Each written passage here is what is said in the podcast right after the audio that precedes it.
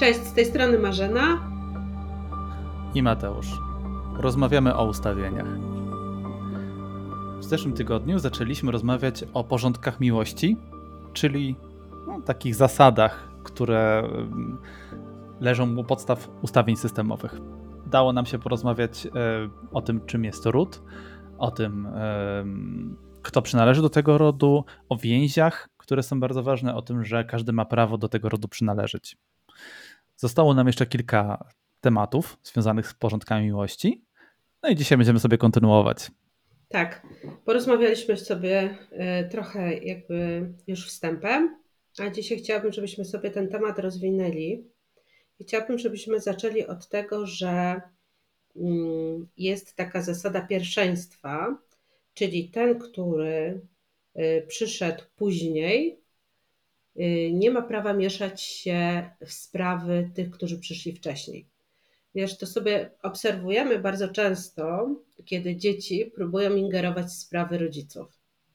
Próbują narzucać im swoje koncepcje, swoje własne pomysły na to, w jaki sposób rodzice powinni żyć, co rodzice powinni zrobić, w jaki sposób się e, zachowywać.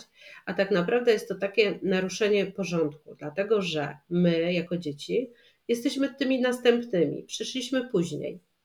I takim, taką zasadą jest to, że ci, którzy, ci, którzy przyszli pierwsi, mają prawo o sobie decydować, a my mamy prawo decydować o sobie. Tak więc, jeżeli rodzice mają jakiś sposób swój własny postępowania, jakieś określone w swoim domu wartości, jakiś określony system, to my, jako następni, nie mamy prawa się do tego mieszać.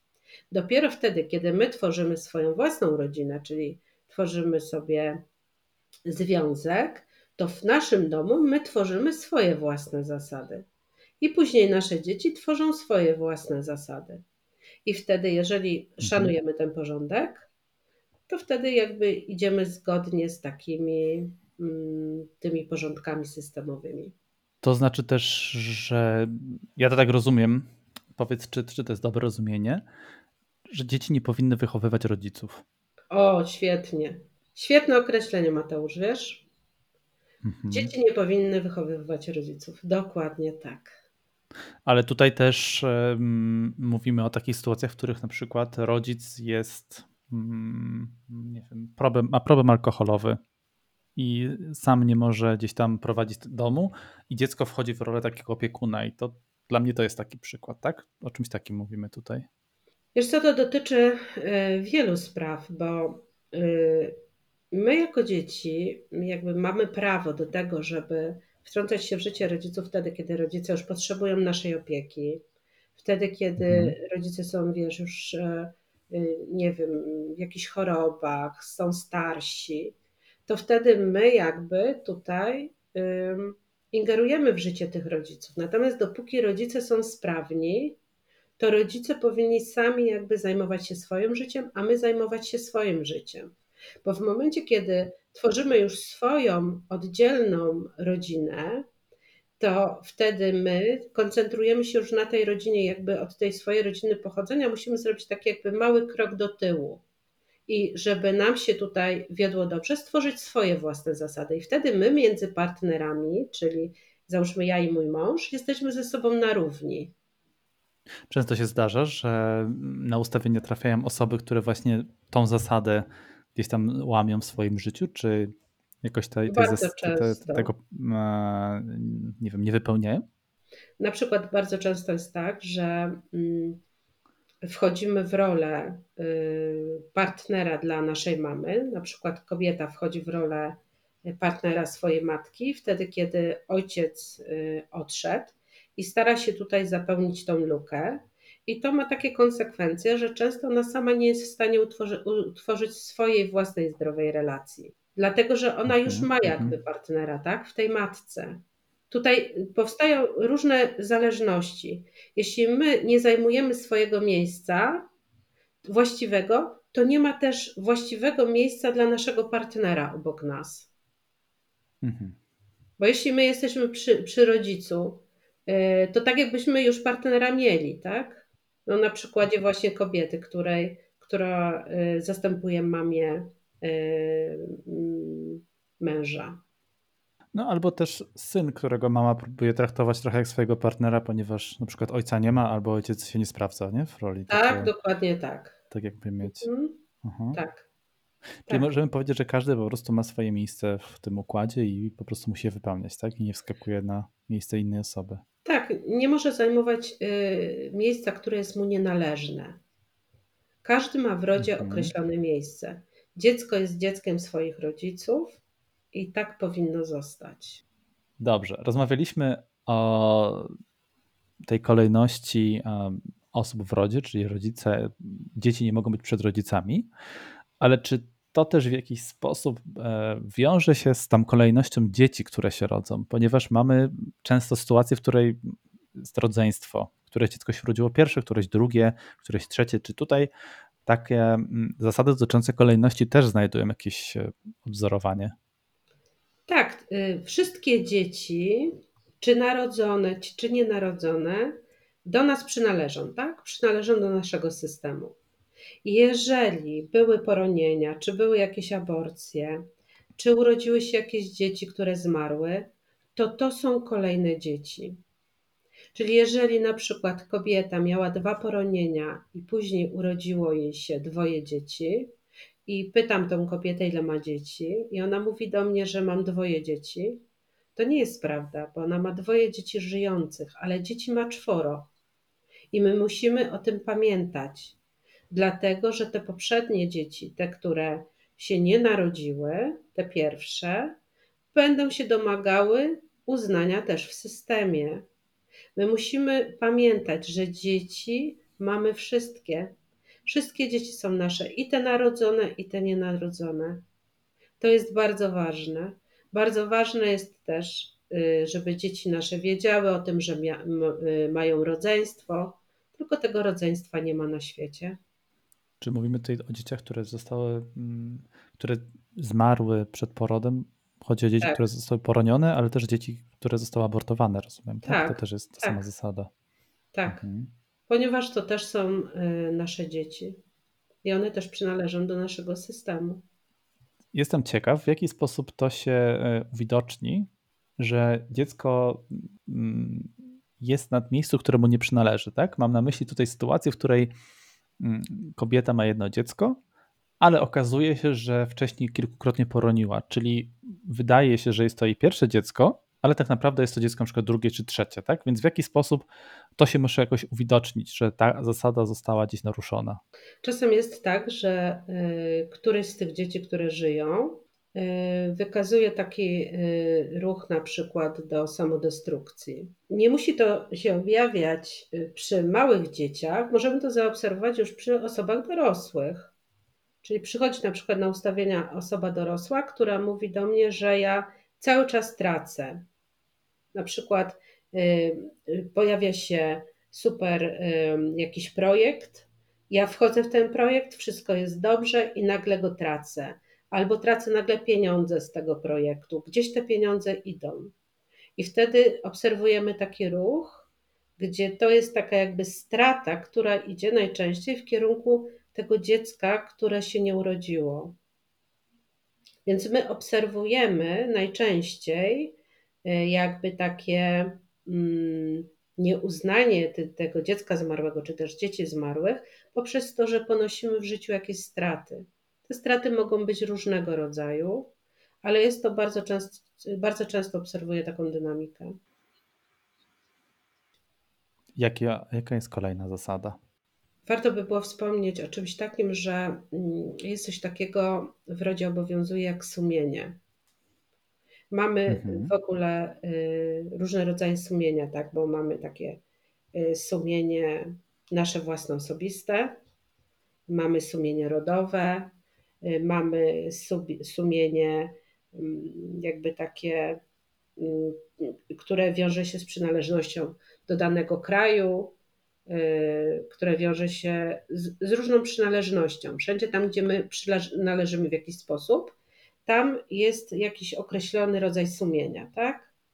I jeżeli my y, jesteśmy dorośli i nie mamy czystego sumienia, to y, kierujemy się taką zasadą, że mamy wtedy takie, y, budzi się w nas jakby poczucie winy, i to poczucie winy jakby wymusza y, czegoś takiego, że staramy się w sposób zupełnie często nieświadomy w jakiś sposób siebie ukarać.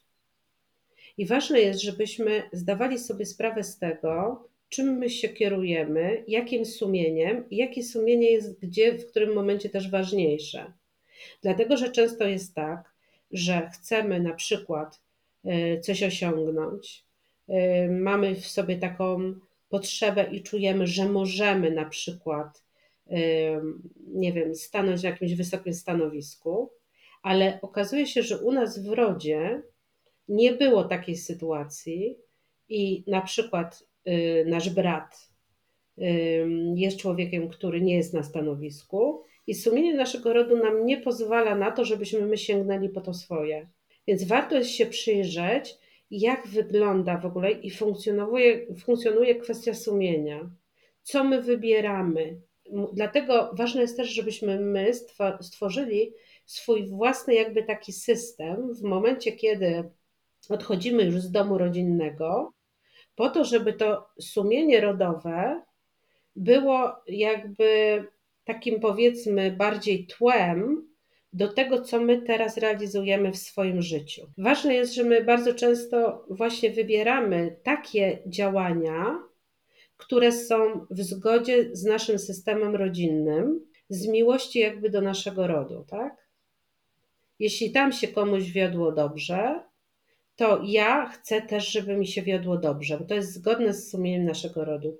Jeśli tam się gdzieś wiodło źle, to może być taki ruch, kiedy ja podejmuję takie działania, które uniemożliwią mi to dobrze, bo idę w zgodzie ze sumieniem swojego rodu. To może tak brzmi trochę skomplikowanie. No tak mi się wydaje właśnie, że to jest całkiem skomplikowana koncepcja, nie? Tak, ale w taki sposób obserwuję taką dynamikę. A czy na przykład um, zdarza się, że sumienie tego rodu, czyli rozumiem to trochę jak taki mm, światopogląd troszeczkę, jakiś taki trochę system wartości może? Tak. Nie zgadza się z nami. Jeśli na przykład nie zgadzam się z tym właśnie systemem wartości, który ten mój ród e, kultywuje, mhm. często można obserwować, nie? Mamy tutaj powiedzmy jakiś taki, nie wiem, czy, nie wiem, czy to jest dobry przykład, ale ro, rodziców, którzy są bardzo konserwatywni, dziecko, które jest o wiele bardziej liberalne od nich i gdzieś tutaj te wartości się ze sobą um, gdzieś kłócą. Tak, wiesz, tak jest, tak jest bardzo często. Tak jest bardzo często. Większość osób, które przychodzą na ustawienia, to mówią, że ja tam się nie zgadzam z tym, bo moi rodzice robili tak, to jest niedobre, ja inaczej i tak dalej. Ale czym bardziej my mówimy, że my tego nie chcemy, się nie zgadzamy na to, co wyszło z naszego rodu, tym mocniej tego doświadczamy. To jest tak, jak mhm. ktoś mówi, nie będę jak moja mama, czy nie będę jak mój tata, a potem w pewnym momencie się orientujemy, ojej, ale ja taki jestem, czy ja taka jestem. W jaki sposób ustawienia pomagają w takich przypadkach? Przy, przy ustawieniach przede wszystkim widzimy, co się dzieje. Widzimy, jaka jest prawda o tym rodzie. Widzimy, co mhm. się wtedy wydarzyło, czy nawet co się dzieje w chwili obecnej. Przede wszystkim możemy spojrzeć w taki sposób, mm, który tutaj jakby już nie podlega żadnej dyskusji. No i oczywiście prowadzimy, y, tutaj pole prowadzi ustawienia w taki sposób, żeby Y, żeby doszło do harmonizacji pola i żeby to było później dla nas, żeby no już miało pozytywny wpływ na nasze życie. Jakby takie są założenia mhm. ustawień, prawda? Natomiast chodzi o to, żebyśmy przyjrzeli się też y, temu, co się w tym naszym rodzie faktycznie działo i w jakim punkcie my życia jesteśmy. Więc wtedy możemy mhm. łatwiej zobaczyć, co się dzieje i coś potem oczywiście z tym dalej zrobić. Może być taka sytuacja, że na przykład ktoś z naszego rodu stracił y, dużą sumę pieniędzy i popadł w długi. I my teraz żyjemy sobie w sposób swobodny, taki wiesz, fajny finansowo, i nagle dzieje się taka sytuacja, w trakcie której my też tracimy pieniądze i popadamy w długi. I często jest to jakby taka odpowiedź właśnie, i to jest związane z sumieniem naszego rodu na zasadzie on nie mógł, on stracił i ja zrobię tak samo. Mhm. I o to chodzi właśnie z sumieniem rodu. Że tak... czasami zdarzają się takie jakieś trudne sytuacje, które zdarzają się często nagle, my nie wiemy, bo nam się świetnie powodziło i w pewnym momencie zaczyna nam się powodzić źle. I zaczynamy szukać, przyglądamy się temu ustawieniowo i okazuje się, że ktoś stracił i my jakby idąc po tym sumieniu rodowym, wykonujemy taki ruch. Nie mogę lepiej niż ty. Nie mogę mieć więcej niż ty. Mhm. I o to chodzi z tym sumieniem. Czy my po, po, powtarzamy czyjeś historie, żeby nie zrobić. Tak. Z miłości dla tamtej osoby, jakby powtarzamy takie historie. Rozumiem. Czy są jeszcze jakieś zasady, o których powinniśmy wspomnieć dzisiaj?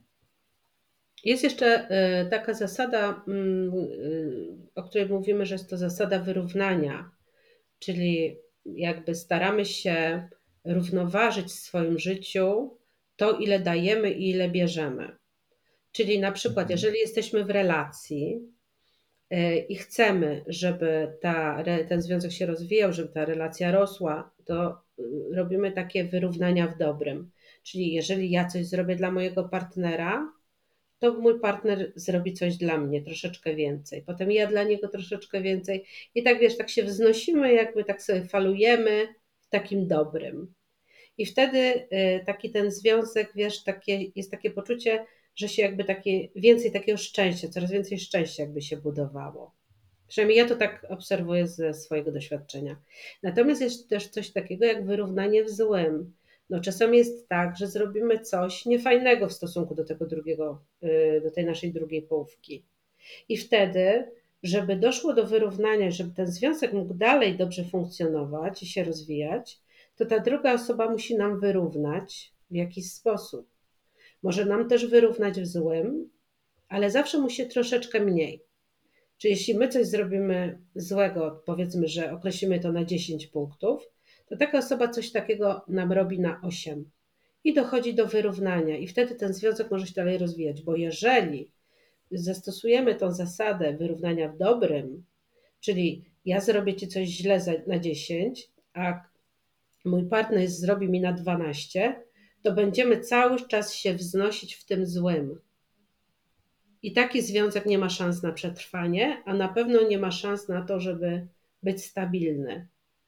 Dlatego ważne jest, że zawsze, i to, to powiedziałam na temat relacji, ale to jest taki ruch, takiego wyrównania, który jest we wszystkim. Te zasady wyrównania są jakby między wszystkimi ludźmi obowiązują. Zobacz, no, mhm. jeżeli ty zrobisz coś dla kogoś, coś miłego, to jakby ta druga osoba z reguły ma ten taki ruch, to ja też dla ciebie zrobię coś miłego, prawda? I jakby sobie tutaj wyrównujemy. Mhm. Tak? Dlatego zasada wyrównania jest też taką zasadą porządków miłości, która jest bardzo ważna, bo my y, w sposób nieświadomy, mm, jeśli wyrządziliśmy y, komuś krzywdę, to będziemy próbowali siebie ukarać. To, o czym powiedziałam wcześniej. I wtedy generujemy jakieś straty, wtedy przychodzą do nas jakieś trudne sytuacje, wiesz, tracimy zdrowie, tracimy pieniądze, różne rzeczy, są różne straty. I chodzi o to, że jeżeli jesteśmy y, jakby wyrównani, czyli tak jakby czujemy zgodę z naszym sumieniem, to wtedy wiedzie nam się dobrze. I wtedy nasz związek, jeśli stosujemy zasadę taką tego wyrównania, yy, zasadę wyrównania, może się rozwijać. Mhm. A jakiś przykład możemy przytoczyć, jeśli chodzi o te negatywne oraz pozytywne wyrównania? Wiesz, no, naj, naj, takim mm, najczęściej podawanym przykładem yy, negatywów yy, to jest kwestia zdrady, tak? Jest pytanie, czy czy jeżeli, się, jeżeli cię partner zdradzi, jesteś w stanie z nim dalej żyć, tak? Co takiego musi się wydarzyć? W jaki sposób ty mu możesz wyrównać? Czy też w jaki sposób on tobie może wyrównać, tak? Mhm. Więc tutaj Mm, tutaj często w związkach się y, pod tym kątem patrzymy, tak? Natomiast no, nie może być czegoś takiego, że na przykład partner y, cię zdradził, nie wiem, y, miał jakąś kochankę, załóżmy, przez rok i ty teraz będziesz przez dwa lata mieć kochankę. No to to jest właśnie ta zasada wyrównania w złym, która jest tym nadmiarem, czyli szkodzi, nie przynosi tutaj nic dobrego. Natomiast jeśli ktoś ci zrobi krzywdę, no to ta osoba w jakiś sposób musi odczuć też konsekwencje tego.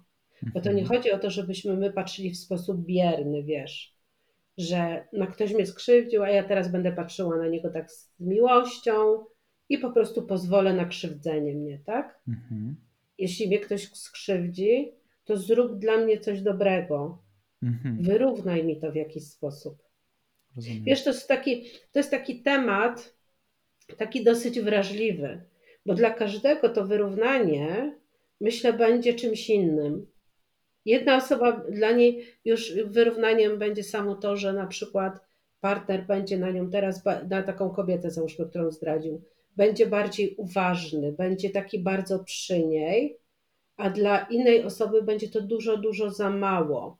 Mhm. Więc tutaj byłabym taka ostrożna, wiesz, i tak bym patrzyła na każdą sytuację indywidualnie.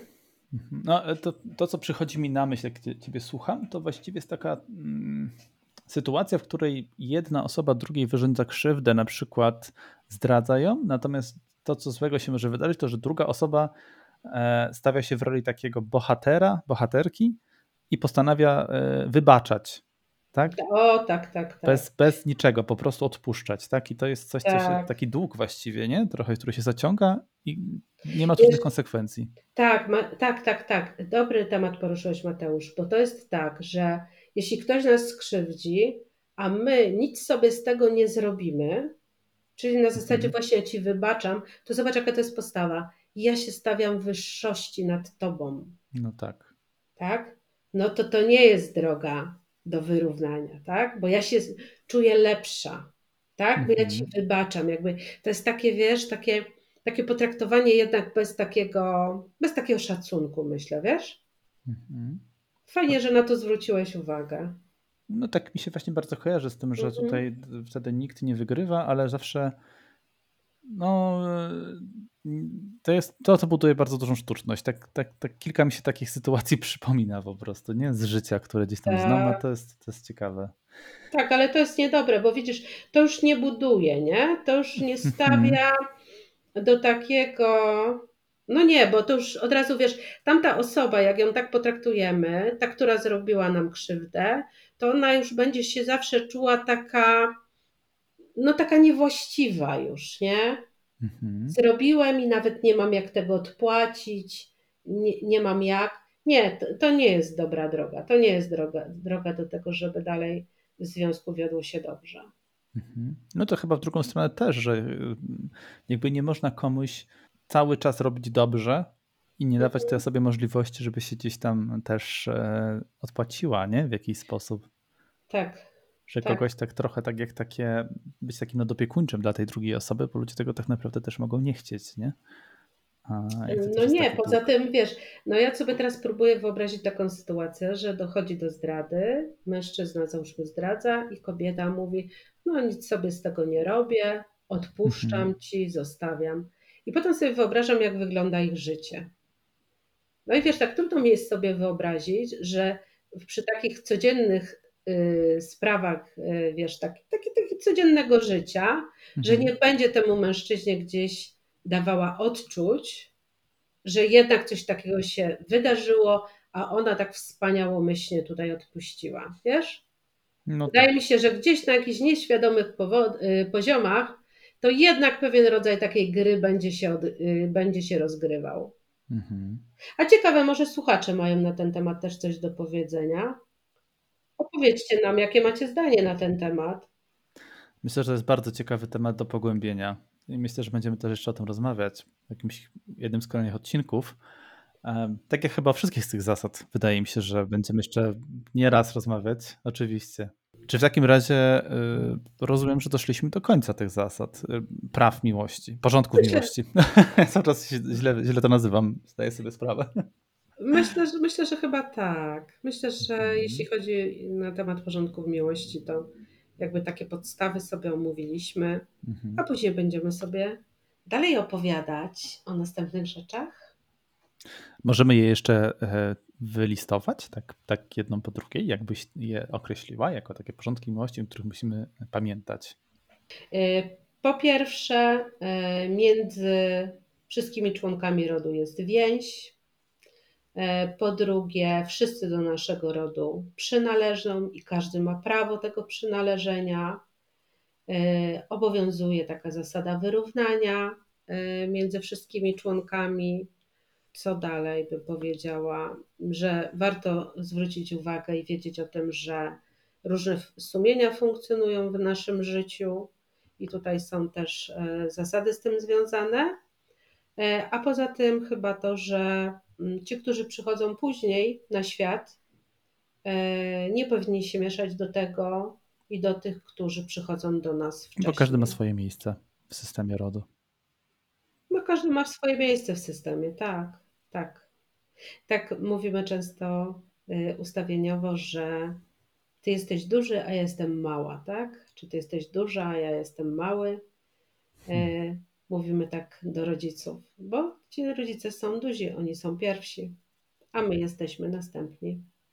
A wy, jeżeli będziecie mieć jakieś pytania a propos tego odcinka albo ogólnie a propos ustawień, to pamiętajcie, że zawsze możecie nam zadawać je bezpośrednio albo e, wpisywać pytania tutaj na Spotify, jeśli słuchacie akurat na Spotify'u. Na YouTube też możecie zadawać takie pytania w komentarzach. Do zobaczenia. Do następnego razu.